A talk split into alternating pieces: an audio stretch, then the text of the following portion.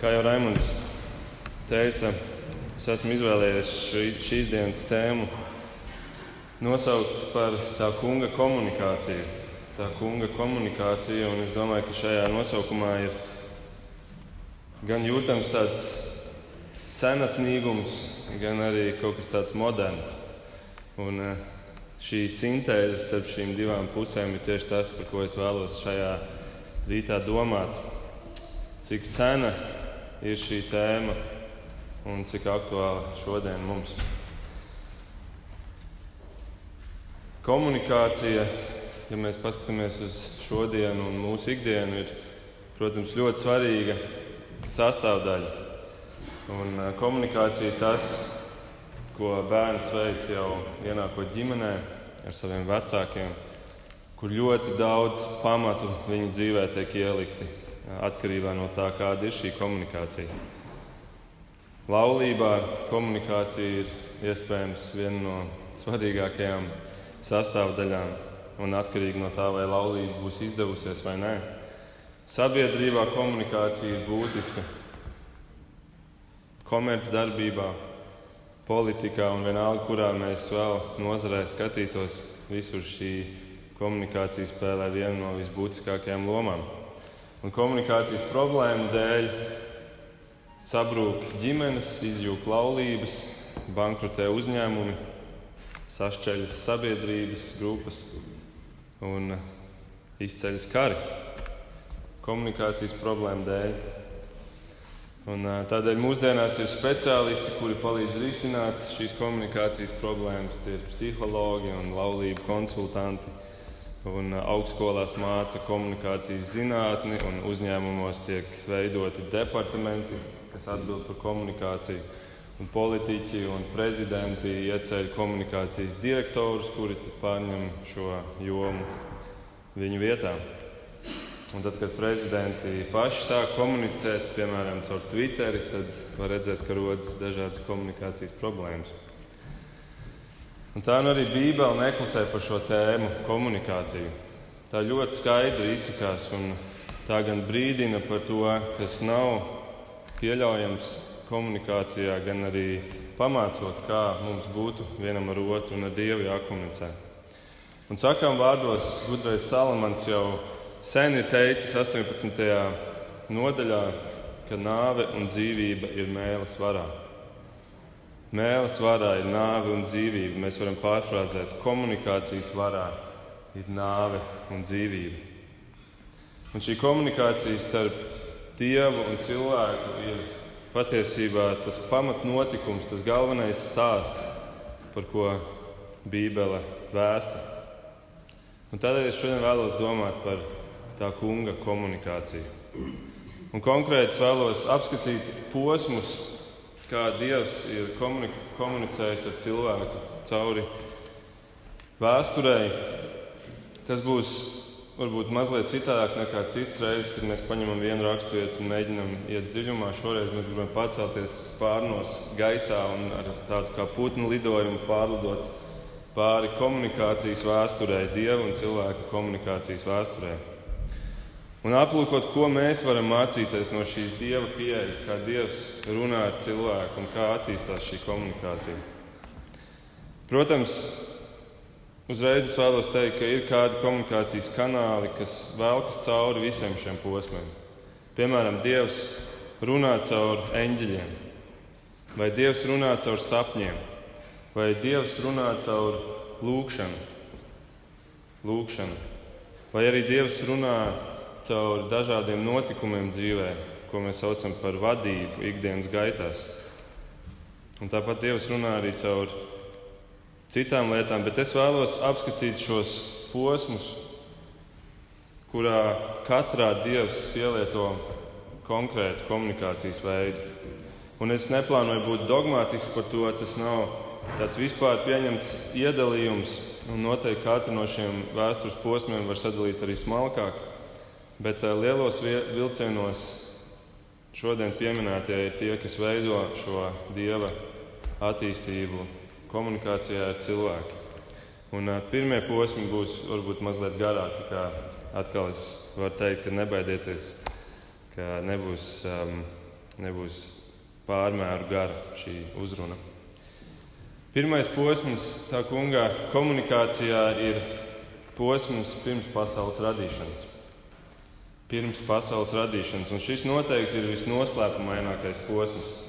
Un tomēr Dievs arī šim posmam ir pavērs priekškaru un ļaus mums nedaudz ieskatīties. Vēl pirms sātans ēdenē spēja kaut ko izdarīt, Dievs jau ir sagatavojies. Un tas, ko viņš ir izdarījis, viņš ir izredzējis glābšanas ceļu. Viņš izredz apsardzības ceļu. Viņš izredz glābēju un sargu, un 1. pētera viens mēs lasām, ka viņš bija paredzēts, izredzēts jau pirms pasaules radīšanas, bet tuvojoties pēdējiem laikam, tāpat atklāts jūsu labad. Un kas ir šis viņš? To Pēters iepriekšējā pantā saka, Kristus nevainīgais un neaptraipītais jērs. Tad pirms sātans var kaut ko sākt darīt, Dievs jau ir izredzējis glābšanas ceļu, šo nevainīgo un neaptraipīto jēru Kristu. Un Efeziešiem viens mēs lasām, ka ne tikai glābēju un sārgu, bet viņš izredz arī tos, kuri tiks glābti un kuri tiks apsargāti. Efeziešiem 1, 4 un 5. Viņš arī izredzēja mūsu Kristu pirms pasaules radīšanas, lai mēs būtu svēti un viņa priekšā nevainojami mīlestībā. Pēc savas gribas, labprātības viņš jau iepriekš ir lēmis mūs pieņemt par saviem dēliem caur Jēzu Kristu. Un mēs jau šajā ēdienas notikumā redzam, ka sātana spējas, šīs komunikācijas spējas ir milzīgas. Un tikai Dievs spētu pasargāt cilvēku no, no šīs ietekmes. Un tie, kurus Dievs nepasargā, tie notic šim, šim melu tēvam, šai čūskai, sātanam, un viņš, viņi kalpo viņam un viņi pielūdz to. Un to mēs atklāsmes grāmatā varam lasīt, ka visi zemes iedzīvotāji pielūg šo zvēru, šo čūsku. Visi tie, kuru vārdi no pasaules radīšanas nav ierakstīti nokautā jēra dzīvības grāmatā. Un tā nu pasaules vēsture ir šis stāsts, ko apraksta Bībele par šiem diviem cilvēkiem, par šīm divām grupām, par dieva patiesības bērniem un par sātana melu bērniem, par jēra aizsargātajiem un čūskas pieviltajiem. Un veids, kā kļūt par vienu vai otru, izšķirās komunikācijā. Izšķirās šajā vārdā, tai komunikācijai ir iedots šis šī vara izšķirt cilvēku dzīvi uz vienu vai otru pusi. Un tad seko nākamais posms - pasaules radīšana. Ēdienas dārsts. Otrais posms - ēdienas dārsts. Un Dievs rada tik neaptverami skaistu, tik krāsām, un smaržām un garšām bagātu pasauli, pilnu dzīvības. Un, un viņš to dara caur komunikāciju, caur savu vārdu. Viņš saka, lai top, un viss top. Un viņš saka atkal, un top, un atkal, un top, un top. Un, un tad pienāk sastā reize, kad viņš piecas reizes ir pateicis, lai top, pienāk sastā reize, un Dievs kaut ko maina pēkšņi. Šī pavēles izteiksme, lai top, mainās uz īstenības izteiksmi. Taisīsim, taisīsim cilvēku. 1. mūzis 1,26. Taisīsim cilvēku pēc mūsu tēla, pēc mūsu līdzības. Un no šīm bezpersoniskajām pavēlēm Dievs pēkšņi apliecina kādu ļoti personisku lēmumu, un viņš to vēl pēc tam saka daudzskaitlī. Tātad tā ir bijusi, tas ir bijis lēmums šim trīsvienīgajam dievam, kur viņi izlēma taisīsim cilvēku. Tā ir pirmā dieva trīsvienības iekšējā saruna, kurā mums ir ļauts ieskatīties. Vēlāk mēs redzam, ka Jēzus runā ar debesu tēvu jaunajā derībā un, un arī kādās citās vietās. Un tā Dievs rada cilvēku savu lielāko meistardarbu pēc sava tēla un līdzības, lai varētu veidot ar viņu pilnvērtīgu komunikāciju. Pilnvērtīgu. Nevis tādu, kādu viņš var ar citu radību, ar kokiem un zvēriem, bet ar pilnvērtīgu komunikāciju ar cilvēku. Un viņš to arī dara. Viņš runā uz cilvēku. Un interesanti, ka pirms grēkā krišanas vēl nav minēta neviena lūkšana. Visu komunikācija, visa komunikācija ir Dieva iniciēta. Bet tad notiek šīs pasaules pirmā lielā traģēdija, un čūska pievilka cilvēku, un cilvēks krīt grēkā un sagrauj attiecības ar savu svēto Dievu, un sākas šis trešais posms, posms pēc grēkā krišanas.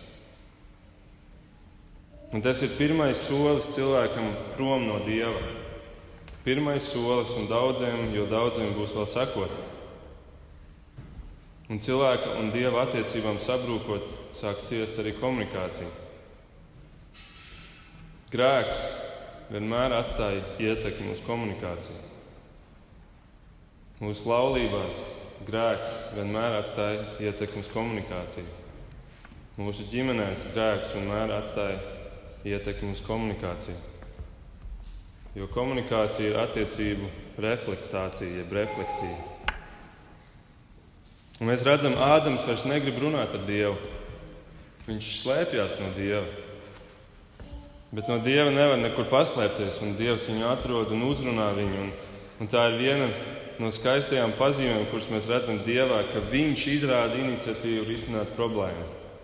Tā vietā, ka Viņš varēja pagriezt muguru un uz visiem laikiem iet prom, tā kā mēs pat cilvēki nereti darām.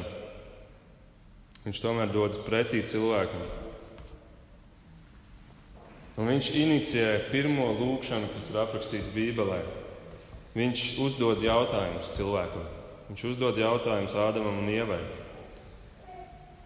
Tos, kurus arī Raimons ievadā lasīja, un tur ir trīs jautājumi. Viņš saka, kur tu esi 9. pantā?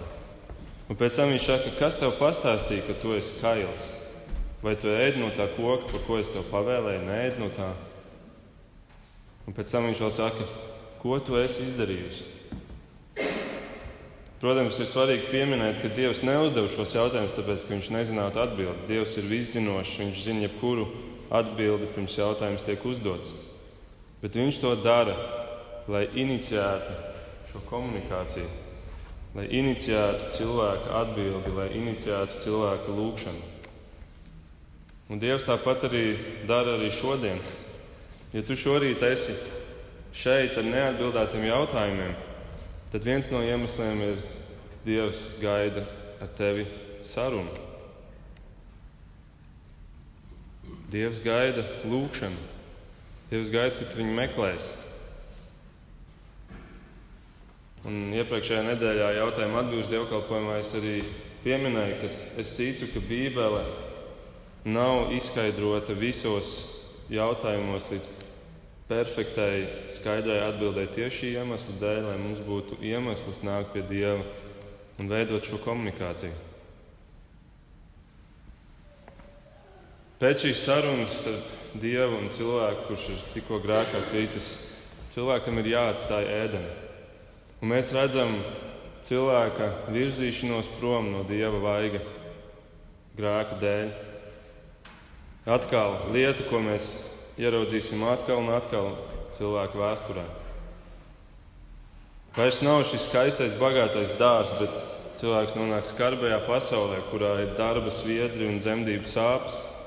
Un drīz vien pievienojas jaunas sāpes, attiecību problēmas, un konflikti un slepkavības.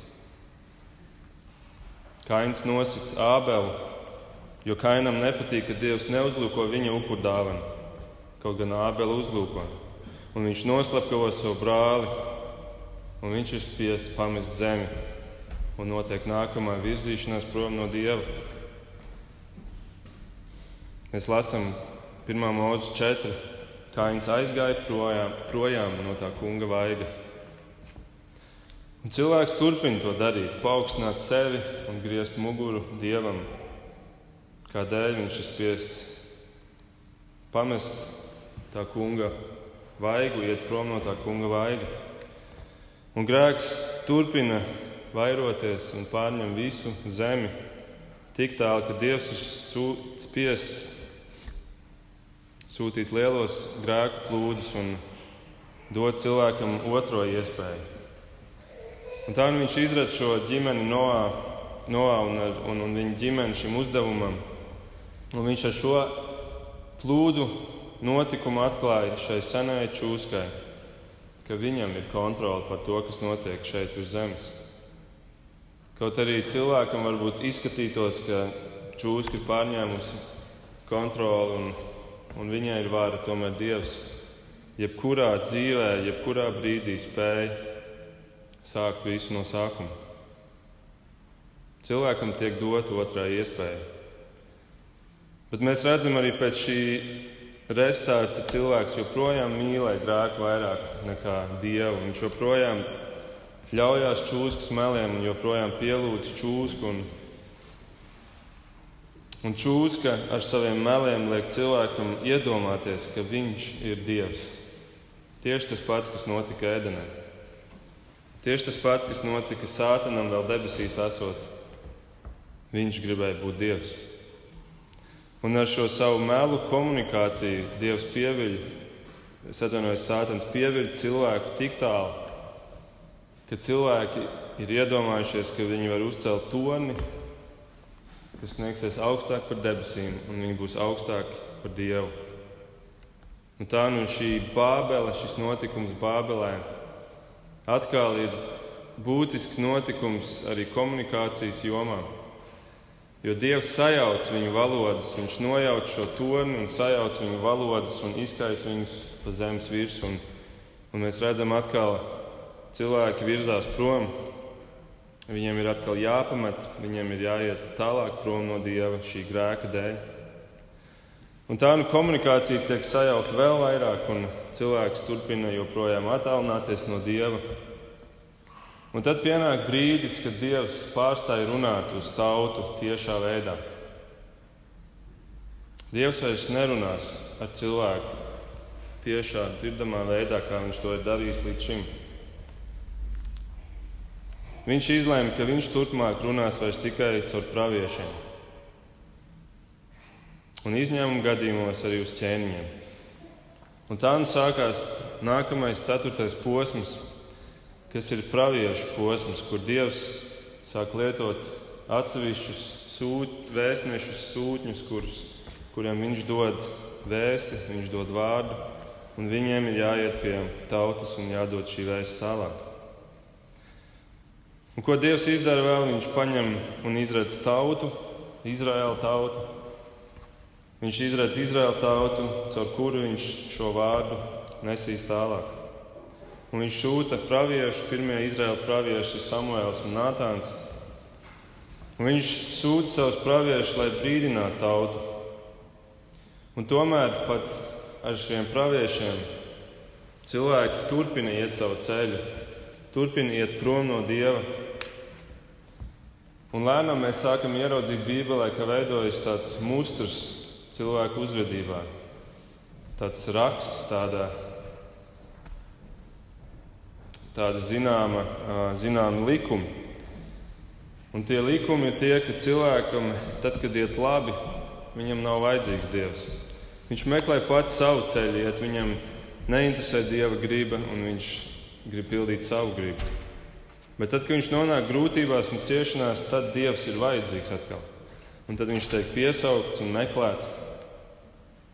Un šķiet tik liekulīgs komunikācijas modu, mod, modelis no cilvēka puses. Bet tieši par šo arī pravieši brīdināja šo tautu. Viņi gāja labajos laikos, un viņi brīdināja, ka nāks grūtie laiki, ja jūs neatstāsieties no saviem grēkiem. Un tā kā pienāca šie grūtie, sliktie ciešanu laiki, tad viņi sāka, tad tauta sāk nākt pie praviešiem un lūgt, lai viņi iestājās Dievu priekšā un lai viņi palīdz atrast risinājumu no šīs tumsas ielas. Un, ja mēs paskatāmies šodien, cilvēks nav daudz mainījies? Mēs joprojām mēdzam aizmirst Dievu, tad, kad mums iet labi, un mēs esam veseli, un mums ir nauda kontā. Un kad dzīve šķiet riti labi pa savām gludajām sliedēm. Un tomēr mēs, pat mēs, kuri esam Dieva bērni, kā mēs sevi saucam, pat mēs savā dzīvē varam novērot šo, šo pašu tendenci. Un tomēr visiem šiem gadsimtiem caurējot, Dievs atlicina sev vienmēr kādus vīrus un kādas sievas, kuri atsaucas viņam, un kuri meklē viņu, un kuri komunicē ar savu radītāju, un kuri ieklausās praviešos un ieklausās Dieva balsī. Un kaut arī viņi klūp un krīt, un, un viņi grēko, viņi tomēr pieceļās atkal un atkal no jauna. Un Dievs nepieļauj, ka viņi aiziet prom no viņa vaiga pazušanā. Pravieši tika sūtīti viens pēc otra Dieva vārdā un ar Dieva vārdiem. Un, un viņiem bija dota šī vēsts, kas bija tik neieredzēta tautas vidū. Šī vēsts bija izšķīra par viņu dzīvību, ne tikai par tautas dzīvību, bet arī par viņu pašu dzīvību. Jo pravietim bija noteikts, ka viņu var atpazīt pēc tā, kāda ir viņa vēsts, vai tā piepildās vai nē, vai tā ir patiesa vai nē. No tā var noteikt, vai viņš ir dievu pravietis vai viltus pravietis. Un tajā laikā nebija mazums viltus praviešu, un šiem viltus praviešiem bija tik izpildīts nāvesots, ja atklāja, ka viņu vēsts nav piepildījusies, viņa pravietojumi nav piepildījušies. Un kaut arī mūsdienās šādas sankcijas vairs negaida viltus praviešu, kuru arī joprojām ir daudz mūsu vidū. Tomēr standarts šodien joprojām ir tas pats, ka vēsts ir patiesa un piepildās.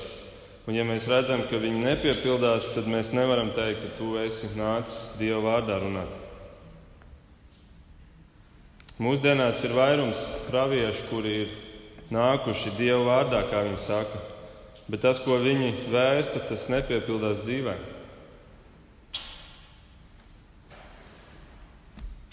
Un šajā brīdī es vēlos arī brīdināt un uzmanieties no viņiem. Nesakojiet. Tas arī, es domāju, ir mūsu šajā draudzē, mūsu ganu uzdevums brīdināt par to. Un es, es domāju, ka redzot pēdējo gadsimtu un kā tas ir attīstījies, kad, ka šādi pravieši vairosies tikai un, un nāks ar vien vairāk. Ar sagrozītām vēstīm, ar vēsti, ko viņi ir saņēmuši no Dieva, kā viņi saka, bet kura nepiepildās dzīvē, kur neskan ar Dieva jau atklāto vārdu. Bet ne tikai patiesums bija šo praviešu pazīme, patiesuma pazīme, bet arī tonis, ar kādu viņi runāja. Tonis, ar kādu viņi runā, arī daudz ko pastāsta par praviešiem. Mēs redzam, kādā notikumā ar pravieti Eliju, ka Dievs nereti runā klusā, čukstošā balsī. Kad Elija, kad Elija tiek sūtīts kāpt kalnā, lai sastaptu tur Dievu. Tad mēs varam lasīt 1. ķēniņa 19, ka Dievs viņam teica: Izēju un stājies uz kalna kunga priekšā. Un redzi, kungs gāja garām, liels un stiprs vējš, kas kalnus aizpūš un klintis drupina, nāca kungam pa priekšu, bet kunga nebija vējā. Un pēc vēja nāca zemestrīce, bet kunga nebija zemestrīcē. Un pēc zemestrīces nāca uguns, bet kunga ugunī nebija. Un pēc uguns klusa, čukstoša balss. Kad Elīja to dzirdēja, viņš aizsēdza seju ar apmetni, izgāja un nostājās alas priekšā un redzi. Balss viņam teica: Kāpēc tu esi šeit? Bieži vien, bieži vien Dievs nemaz nav atrodams tajos skaļajos, lielajos, šķiet spēka pārpilnējos pasākumos, vai sludinātājos, vai zīmēs un brīnumos. Visos šajos spēcīgajos vējos un spilgtajās ugunsliesmās un, un dārdošajās zemestrīcēs, jo viņš runā klusā, čukstošā balsī. Un, ja tu gribi viņu dzirdēt, tad reizēm tas nozīmē, ka tev ir jāklausās uzmanīgi. Jāklausās uzmanīgi. Un, ja tu viņu meklēsi un no sirds meklēsi, kā Bībele saka, tad tu viņu atradīsi un tu viņu sadzirdēsi. Un, ziniet, un pat ja nāk klusums, liels klusums un, un ilgs klusums, tad nepadodies. Jo arī klusums ir sastāvdaļa no dieva komunikācijas. Mēs redzam, ka pēc šī praviešu posma nāk piektais posms, un tas ir klusuma posms. Tie ir 400 gadi klusuma, kurā Dievs nesūta nevienu pravieti, kurā Izraels nedzird nevienu runājumu vai dodam viņiem kādu vārdu, kas nāk no tā kunga. Kad pēdējais pravietis Malēhijas bija uzrakstījis savus pēdējos vārdus, kuros viņš brīdināja, ka nāks vēl viens Elija, bet jums ir viņš jāgaida, tad iestājās šis lielais un baigais klusums. Un es domāju, mēs arī pazīstam šo sajūtu, kad mēs lūdzam Dievu, mēs lūdzam un lūdzam un lūdzam, un pretī mēs saņemam klusumu. Un mēs meklējam atbildes, un mēs meklējam, meklējam, meklējam. Un pretī saņemam klusumu. Un mēs nejūtam Dievu, un mēs nejūtam, un nejūtam, un nejūtam, un mēs gaidām, un pretī stāv klusums. Bet, ziniet, tas var izrādīties tikai klusums pirms vētras.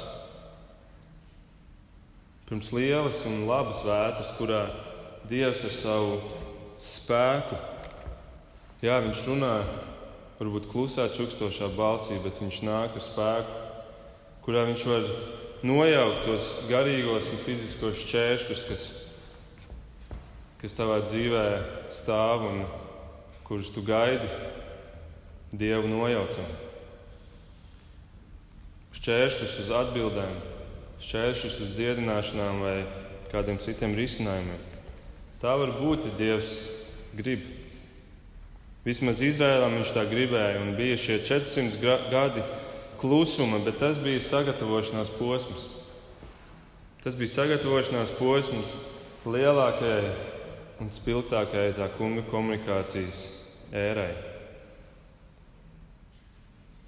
Tas bija tik īpašs šis jaunais posms, kam būs jāsako, ka nepietika pat tikai ar šiem 400 sagatavošanās gadiem. Nē, Dievs vēl sūtīja vēstnesi, kuram bija jāsagatavo ceļš šim posmam. Un šis vēstnesis nebija neviens cits kā lielākais cilvēks, kāds jebkad bija dzīvojis Jēzus vārdos sakot.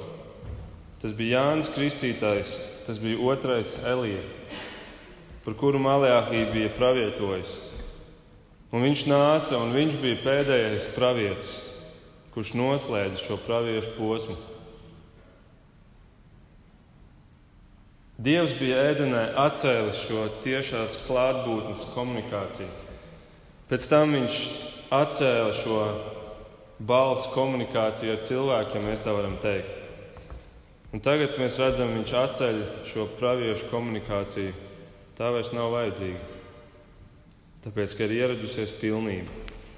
Un Lūkas 16, 16 stāv rakstīts: Bauslība un pravieši ir līdz Jānim Kristītājam, bet no tā brīža tiek sludināta Dieva valstība, un ik viens ar spēku laužas tajā iekšā.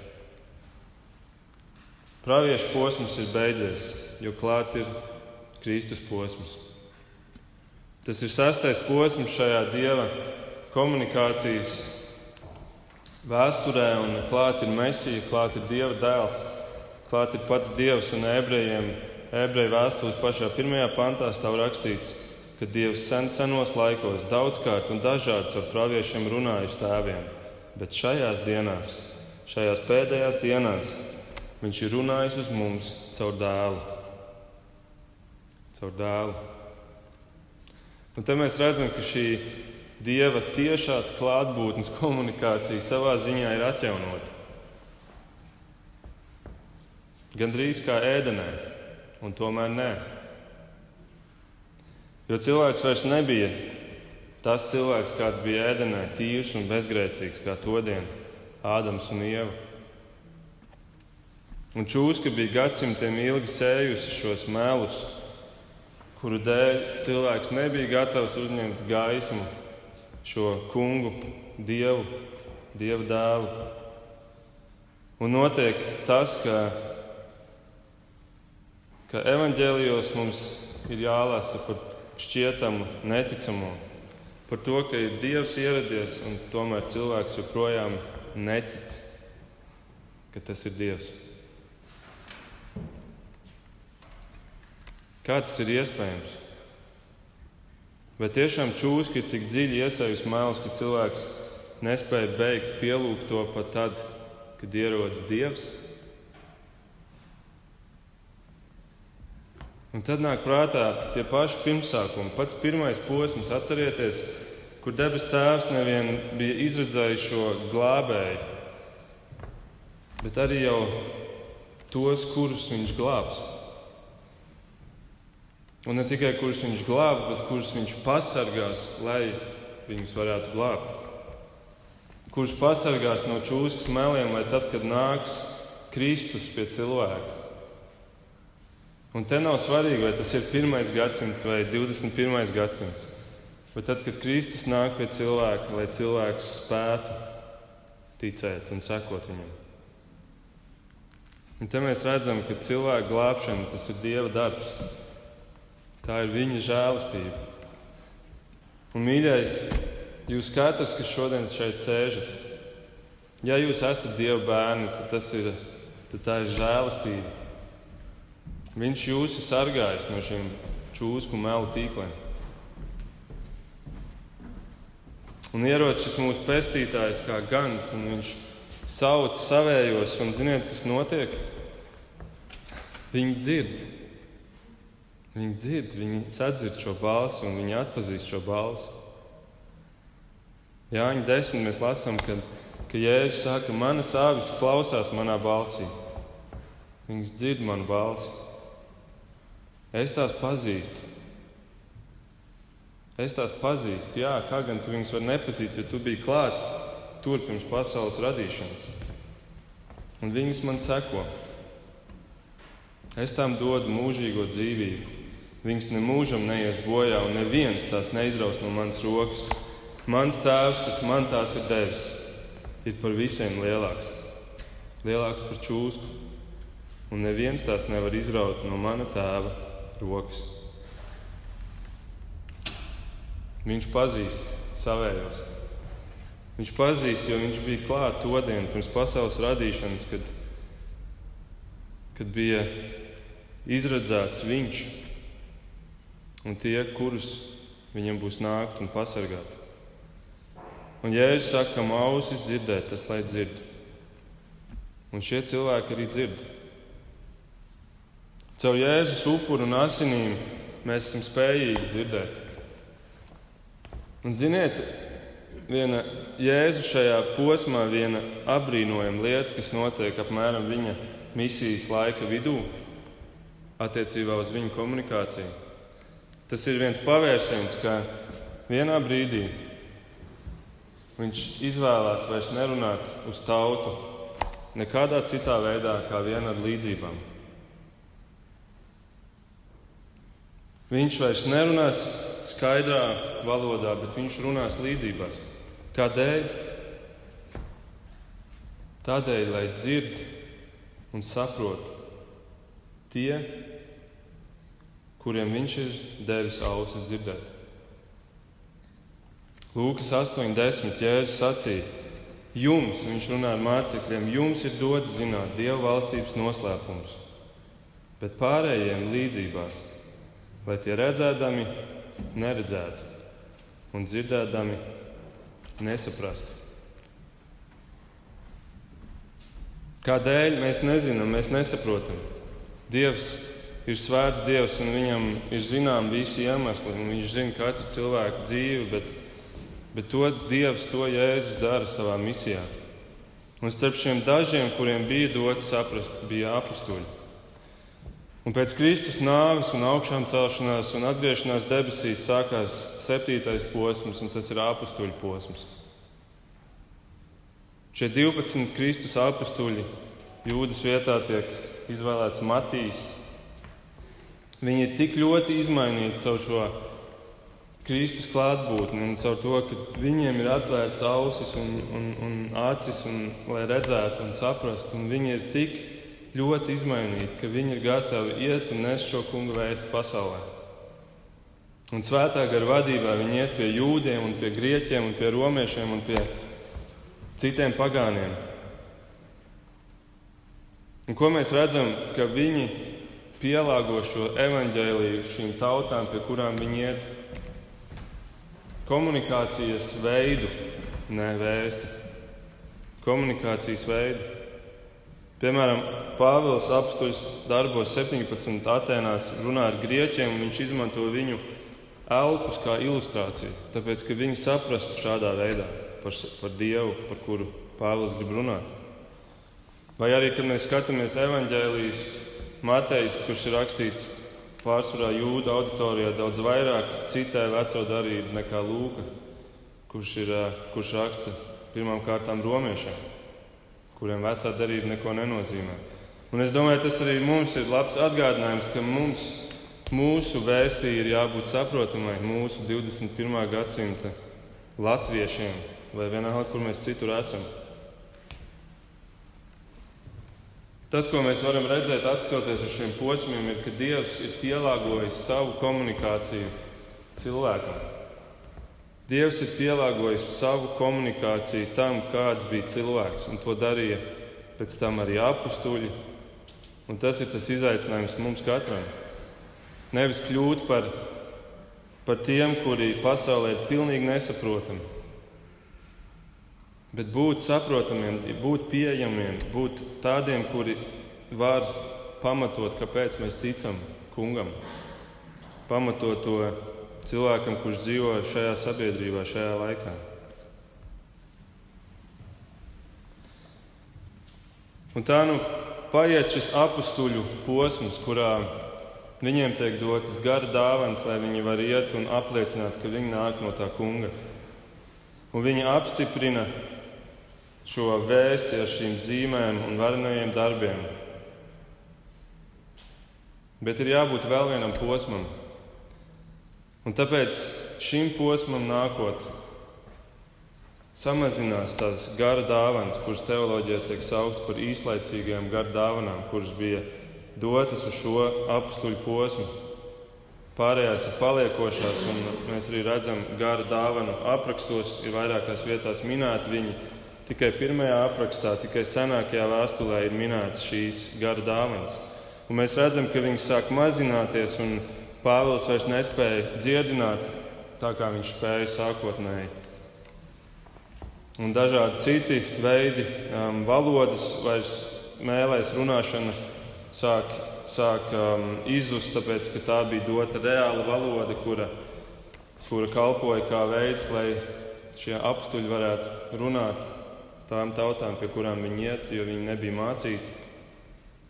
Un tā nu viņas izsīka tādēļ, ka nāk šis astotais un līdz šim pēdējais posms, kas ir rakstītais Dieva vārds. Jā, Dievs jau caur vārdu bija darījis visu. Viņš bija radījis, viņš bija devis bauslību, viņš bija veco derību devis. Un arī Kristus sūtot, mēs lasām, ir teikts, ka tas ir vārds, kas ir tapis miesa.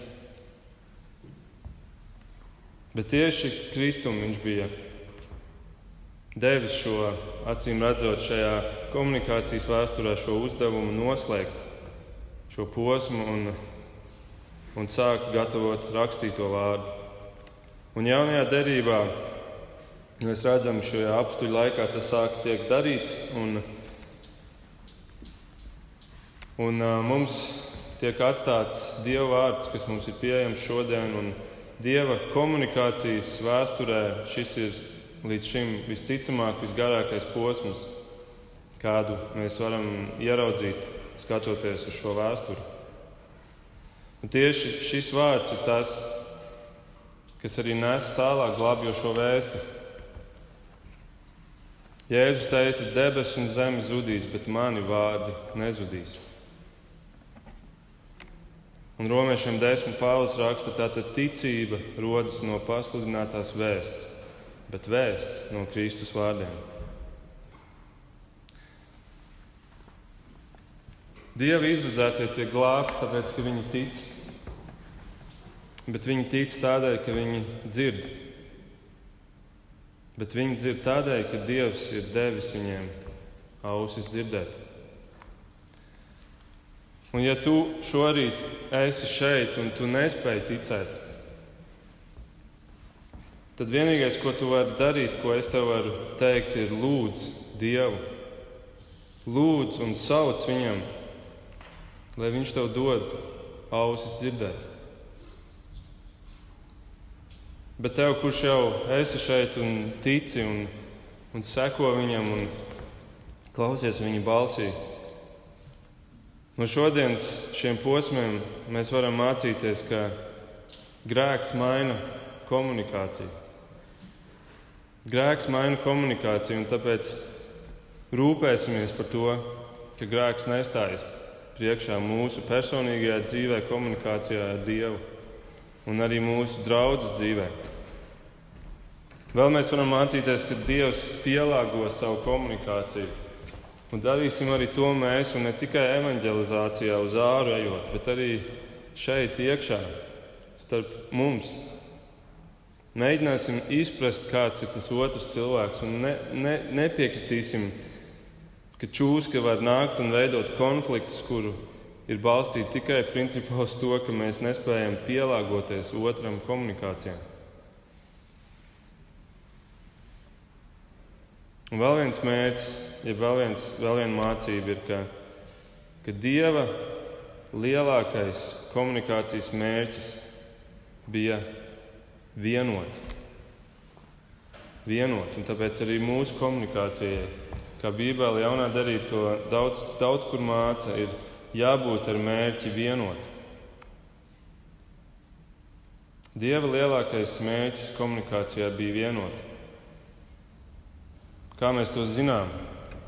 Tādēļ, ka mums priekšā stāv vēl divi posmi. Devītais posms būs Kristus otrā atnākšana šeit virs zemes, un desmitais posms būs mūžība debesīs. Dieva mērķis ir vienot, un tāpēc mēs redzam, ka Pirmais posms un pēdējais posms. Debesis pirms radīšanas un debesis beigās ir vienādas, ar tikai vienu atšķirību. Un tā atšķirība ir, ka mēs esam pievienoti. Ka mēs tur esam pievienoti. Tāds ir tas mērķis, kādēļ Dievs ir radījis šo pasauli un kādēļ viņš runā ar cilvēku, lai mēs varētu tikt pievienoti. Slāva Dievam un lūgsim, lūgsim viņu. Jā, tiešām slāva Tev, Kungs, paldies par, par to, ka Tu komunicē, ka Tu inicijē, ka Tu piedod, ka Tu uzdod jautājumus, ka Tu kādreiz klusē un kādreiz runā. Un, un ka Tu to visu dari beig beigās, lai Tu pievienot mūs savā sadraudzībā. Kungs, mēs to nespējam saprast, mēs to nespējam nojaust, bet mēs varam to lasīt Tavā vārdā, un mēs redzam un saprotam tikai to, ka tā ir žēlastība un tikai žēlastība, Kungs, ka mēs drīkstam būt starp tiem, kuri dzird Tavu balsi. Paldies, Kungs, ka Tu esi sargājis mūs no čūskas meliem, ka Tu arī šodien sargā mūs no sātana ietekmes. Paldies, ka Tev ir kontrole, ka Tu esi spēcīgāks. Un lūdzu, lieto mūsu kungs, jo ir cilvēki, kuriem, kuriem Tu esi paredzējis arī, ka viņi dzirdēs, un Tu esi izvēlējies mūs, lai nestu šo vārdu tālāk. Un, lai cilvēks atdzirdētu to. Lūdzu, lieto mūs un paldies Tev, mīļais Kungs un Dievs. Amen.